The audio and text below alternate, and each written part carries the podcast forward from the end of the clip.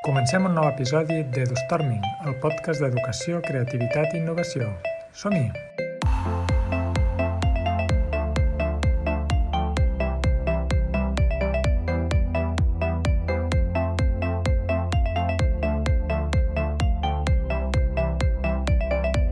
Per aquest darrer episodi de la temporada parlem amb Kyle Beckner, professor especialitzat en innovació educativa i project-based learning, que ha treballat a High Tech High durant 8 anys i que actualment viu i treballa a Hong Kong acompanyant processos de transformació educativa. Kyle és autor de diverses publicacions, entre elles el llibre The Power of Simple, que guia un procés de transformació educativa a partir de cinc simples estratègies per totes aquelles persones que tinguin interès o vulguin iniciar un procés de, de canvi, de transformació. Amb ell parlarem d'innovació, d'avaluació, de la reflexió de l'alumne, de tecnologia i de casos, experiències i, i moltes vivències que ha tingut al llarg de, de la seva carrera i dels seus viatges, ja que ha treballat i ha viatjat molt.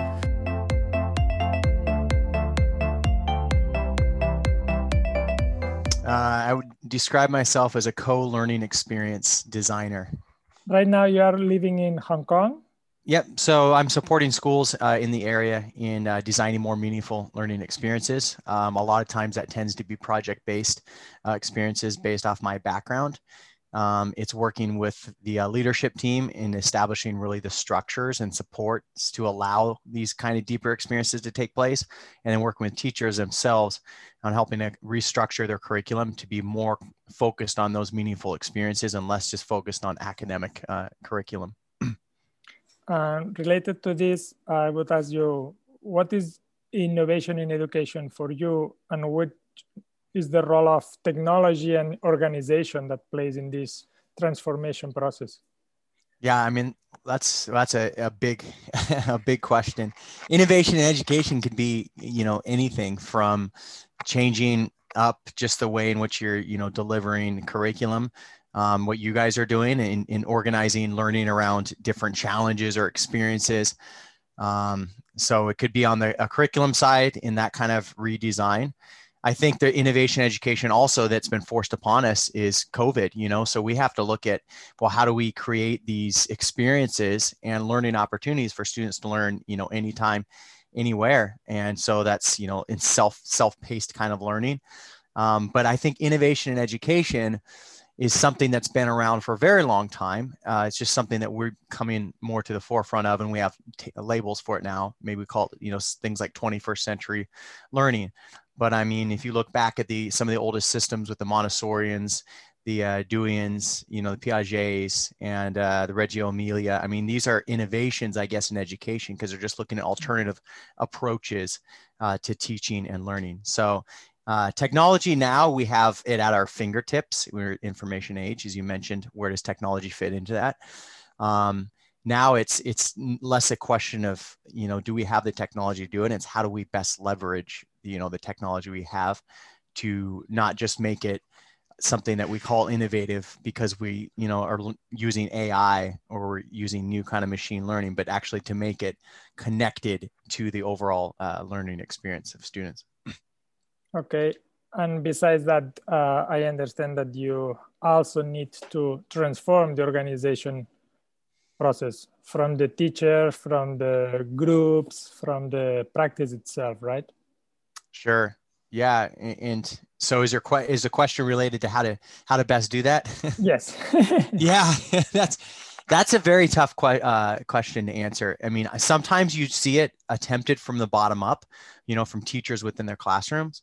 But what I have noticed in working with lots of different schools is that uh, if you don't necessarily have it from the leadership you know uh, perspective uh, it's very hard to infiltrate the whole organization um, because a lot of times there will be teachers who will say you know i'm going to do things differently i'm in my classroom um, i'm going to try just a, a couple new approaches you know all the way from redesigning their room the way it looks during every different new learning experience to making things more purposeful or meaningful for students to having them exhibit their work but the problem is with that is it's usually some people just innovating in a corner of you know a school. um, it's not necessarily transformational in terms of the whole organization. So um, I think it needs to start uh, really with the leadership and the vision and getting everybody kind of on board with that, um, having the right people. I found that most teachers are willing and most teachers want to do this kind of work. Um, there's very few that are very resistant to it. Um, but sometimes, you know, the resistance comes from they haven't really been given the structures or support to really make those innovations. So, like, you know, each year there's a new initiative, and one year it's STEM, you know, and that's a big initiative. Now it's remote learning.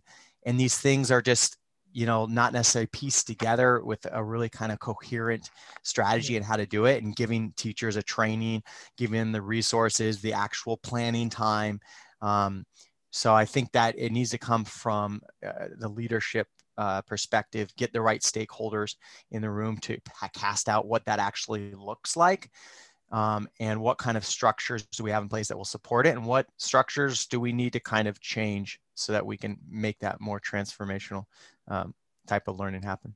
Yes, right. And do you think there is uh, enough uh, structure of support for these people who are leading that or that wants to lead some transformation, but they don't know where to start, how to do it? Yeah, I mean that's a good question. Uh, I think there there is. I think it's just a matter of making it coherent and piecing it together, right? I mean, there's plenty of resources that are out there. Um, but I think from a you know leadership perspective, um, even if that leader has a particular vision, like I know in your particular program, right, you have a founder that has a vision of of making a culinary arts school, and the focus is going to be not just the culinary arts, but really having these challenges or learning experiences that drive that. But of course, there's going to they they need to have a network or community that supports this kind of innovation because you know we used to have classrooms that used to be just isolated fiefdoms right? And you would do what you needed to do in your classroom and you were not necessarily connected to the other classrooms. Well we have to start forming that community. And i think from a leadership perspective they need there needs to be a community as well or networks to support this. There's networks like that that exist. Um, you know i come from high tech high in that background and high tech high is part of a larger deeper learning network which there is support for this kind of learning. There's a big picture network. You know i myself try to support organizations and connect the dots but uh, I, I, I think that also from that leadership um, perspective, there needs to be a network so people can see what other schools are doing, uh, get energized, get support, and new ideas. Very interesting. You also mentioned the remote environments or hybrid environments. Mm. Um, which key points do you think are uh, needed or recommended for a successful implementation and development? Of the remote environment, you mean? Yes. Yeah, it's. I think it's so new for everybody that it's very hard, uh, you know, to to really dwindle it down to what are the key points. I try more to look at learning in general and what motivates people, regardless of. Um, I think if we focus too much on remote, then we lose sight of the, the fact that there are general pieces that will engage and motivate um, students, regardless of whether it's remote or whether it's in person. Um, it needs to be collaborative some in some way. Uh, all learning experiences need to be collaborative. You know, um, we don't live on islands. You know, everything is connected. And so those are the pieces I think. How do you make the remote space collaborative is a tougher challenge because you know we're not face to face in person. There's not that same energy, but you could still do that, right? There's a lot of ways to make the remote experience more collaborative, um, from kids designing, co-designing together, to developing things, to giving feedback to each other. So I think collaboration is something that's key. Um, also, it needs to be connected to what the learners care about, you know, and the remote experience is no different. Um, I think now what's actually becomes it, this becomes even more important because learners don't have to turn on their cameras you know if they're not interested you know? Learners don't have to show up and there's not going to be someone who's going to give them either a tardy slip or send them to the principal's office. You know maybe their parents going to come in and, and give them some kind of consequence but you know if it's not meaningful or purposeful or connected to things that they care about then you know they're they're not necessarily going to show up for that right? And um, so i think also too it needs to be you know very supportive as well. Uh, we're looking and seeing social emotional needs of kids is at an all-time high. And i think it's something schools have not addressed uh, very well in the past because it's become a lot about academics, and now we're seeing as well. So, having a, a collaborative uh, environment, making it meaningful and purposeful, and building connections, and you know the, the social emotional needs, meeting those um, how you can uh, remotely, I think will make it a successful environment. yes, thank you. And you work more than 12 years at High Tech High. And mm if we talk about transformation, evaluation should be a part important of this change, right? Hmm.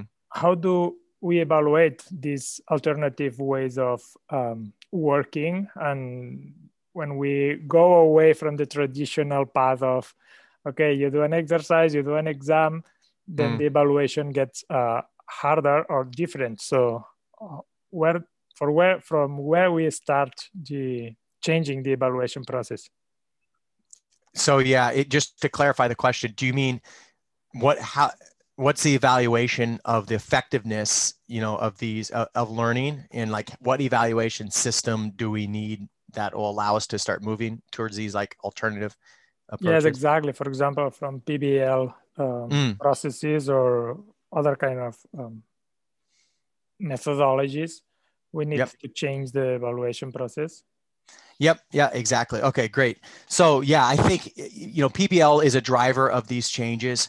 Um, you know, you have other drivers. Sometimes people use design thinking as a good process, you know, in, in driving this uh, challenge based type of learning, which is what you guys are approaching a gamification of learning, right? These are all different approaches, but I think the evaluation you mentioned is the most important component to drive this because if you're evaluating students, based off the same old kind of measuring stick that you used in the past which is you know some kind of test at the end um, then you're you're going to get kind of the same results. So i think we need to change the evaluation process to be there needs to be many uh, ways that students can demonstrate their learning. And the learning is more of a journey. You're evaluating the whole journey. And in projects you know you are evaluating the whole process. You're not just giving them one final shot at the end and this is going to be your grade or you're adding up a bunch of meaningless assignments and that calculates into final grade. So if schools you know really want to do this kind of learning high tech high um, was part of that. I mean high tech high has a great approach to learning. I mean they gave us they said look address your standards. Um, if you're a like I was a humanities teacher, and they said, you probably want to teach about the ancient Greeks and their importance to Western civilization. You might want to touch on them, but we're not going to tell you exactly what to teach. Um, so we were still kind of held in terms of evaluation. We were still held to like our content, but you you assume if teachers are teaching that content, they're going to be passionate about it. So you don't need to hold something over their head and say, you know, got to teach all those standards but you give them the freedom and the autonomy in terms of how they're going to approach that.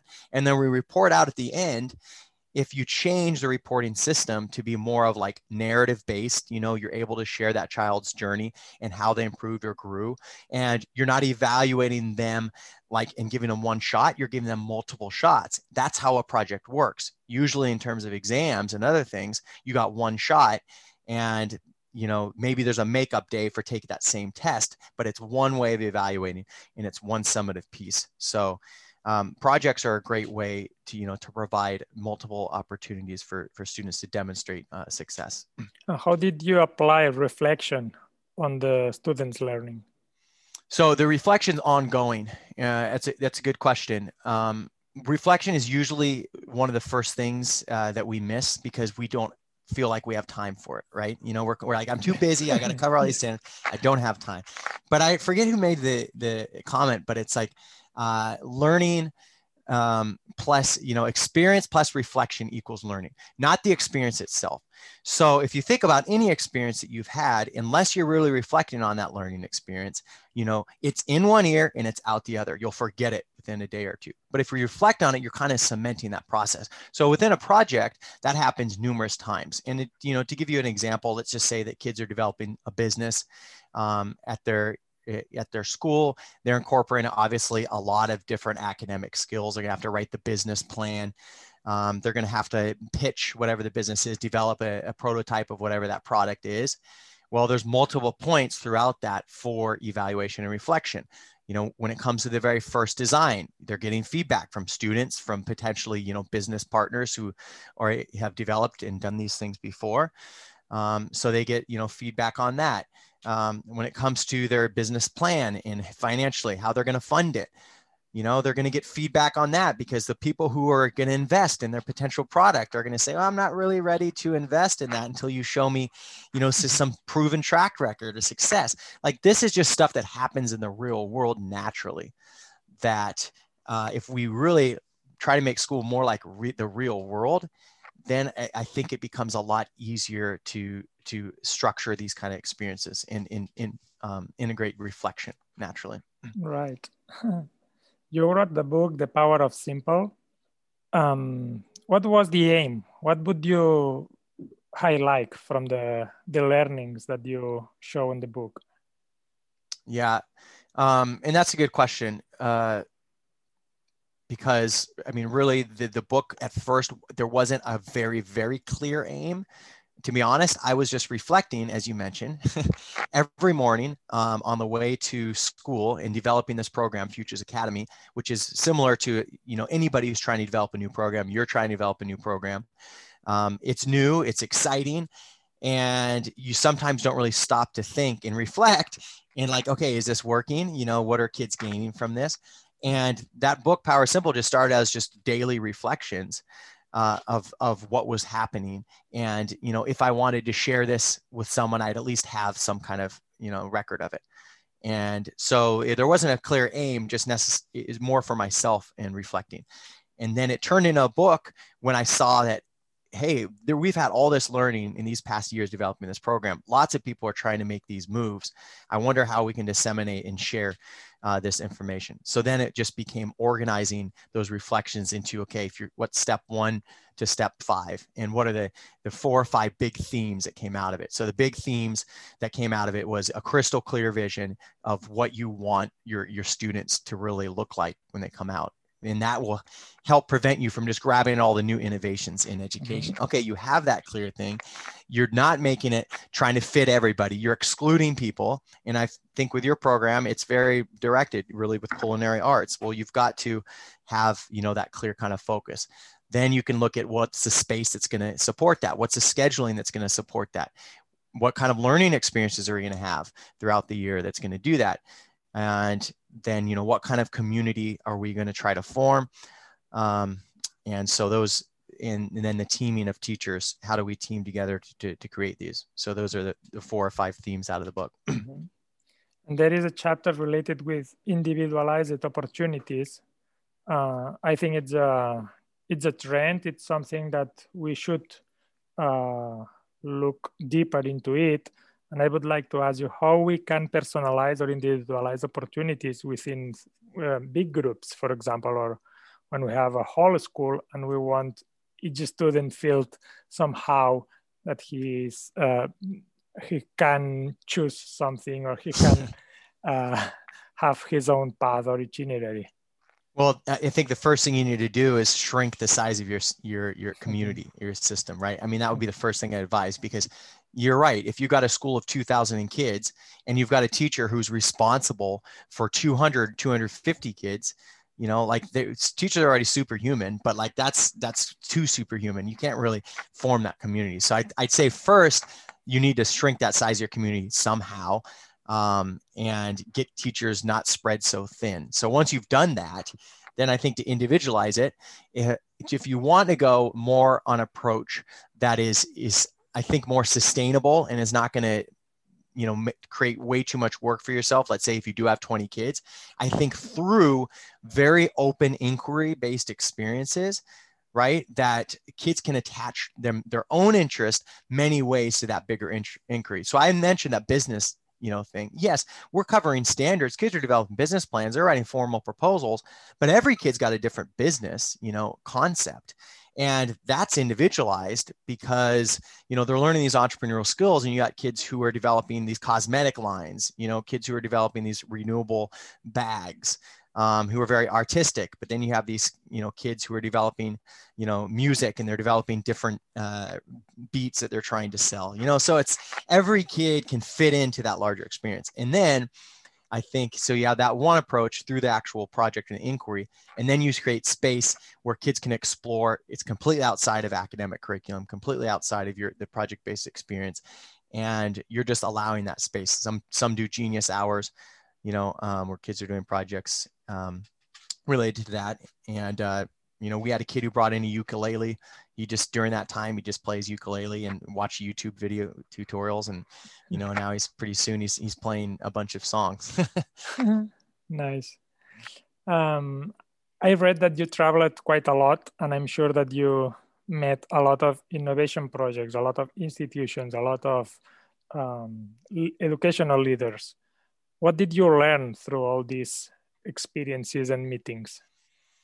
Wow, that's a that's a really good question. So I guess what I thought I knew and what I knew now is a good way to approach that. So what I thought I knew is that here is here is the way to do it. You know, here is the way to be innovative, and here's what the models look like. And everybody's vision of what could be is limited to what they've seen, right? And the more I saw these alternative models, the more I realized like innovation takes so many different forms you know, and it doesn't have to be one way. Um, I think, you know, Larry Rosenstock of High Tech High used to say, look, we don't want to be a model here.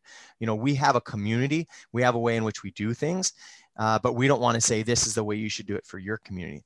Um, and you know, I've seen some who have taken an arts-based approach uh, to to learning, and uh, all the way to people who took more of kind of an engineering type of STEM approach to to learning to things that are more Montessori based. You know, I've seen kids who are they they basically ran a farm and the older classmen were teaching the younger classmen how to run the farm it was all mixed uh, grade levels and they were learning through that farm and all their curriculum devised out of that and they even had businesses as ran out of farm i would have never ever ever have seen that if i stayed in my one pocket and thought that you know high tech high was the mecca and high tech high is great but man, once I got out, I saw there's so many different pathways. Mm-hmm. So I guess I thought I knew there was kind of one way to do things, and what I realized and learned is that there's there's multiple ways to be innovative.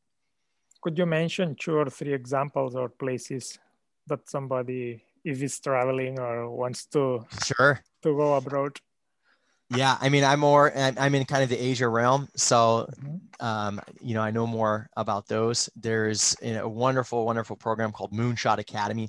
It's an uh, alternative approach to people's senior uh, year of school. And it's very, very much personalized. Um, the kids come up with the classes themselves, they pitch the classes. Um, and then the uh, teachers have to collaborate with students to deliver some of these classes as well and if not enough students sign up for it well then that class doesn't get run. So it's it is really it's fully empowering to these students. And you walk in there um, you've got a guy who's on a treadmill and he's like reading a book at the same time. It just looks doesn't look anything like a school. So that's a good one. I mentioned that abbas orchard. I, I recommend anybody to check out any kind of adolescent um, program for montessori. The hershey farm in, in the states is a good one um, this one that I mentioned, but any Montessori adolescent program, it will will pretty much blow you away. Um, it's quite innovative. I know Learn Life Studios. Mm-hmm. Uh, I want to you know give a shout out to them as well because they're doing some amazing things with really having studios be kind of the the focus where you don't know if a kid's working alongside a, a teacher or an entrepreneur. Mm-hmm. Um, so that's that's a, a, really neat model as well. So yeah, those are a few if you, if you want Thank to check you. out. Yeah. And finally, I would like to ask you for a educational resource that you would recommend uh, and a quotation or a quote for closing the talk. Oh, good. Uh, quote. Okay. And any kind of research. Um, well, it depends. It depends what people are looking for specifically. Um, you know, I, I think there's some, some good books to, to really start this kind of journey. And I think books can really prompt some new thought. There's Most Likely to Succeed by Tony Wagner. There's an Innovator's Mindset by, you know, George Couros. I think that's a good place to start for anyone kind of within their classroom um, and, you know, what could be. uh, the possibilities for learning. And um, I think Ethic of Excellence is a great one. Uh, that's by Ron Berger. He's kind of, if you look at High Tech High, there's a Godfather before, so like he's the Yoda, and High Tech High is, I guess, the uh, I don't know Obi Wan Kenobi or something. Um, so those those are some some really good books to start on what could be and most likely succeed. Watch that film, that documentary. Um, that will, will that will inspire you whoa, like, so this is what the possibility is. Um, and so a quote, you know what? A quote, uh, God, I just posted it on LinkedIn. I'm gonna forget it, but it's a it's a Mark Twain quote. And if I can't do it, I'll give you another one. But um, something despite despite my uh, despite my schooling about formal education, um, but the the quote it escapes me now. But why don't we why don't we go with Albert Einstein? Um, and you know imagination is, is more important than, than knowledge. Um, sure. yeah and with that one. Thank you very much. My pleasure kyle. Thank you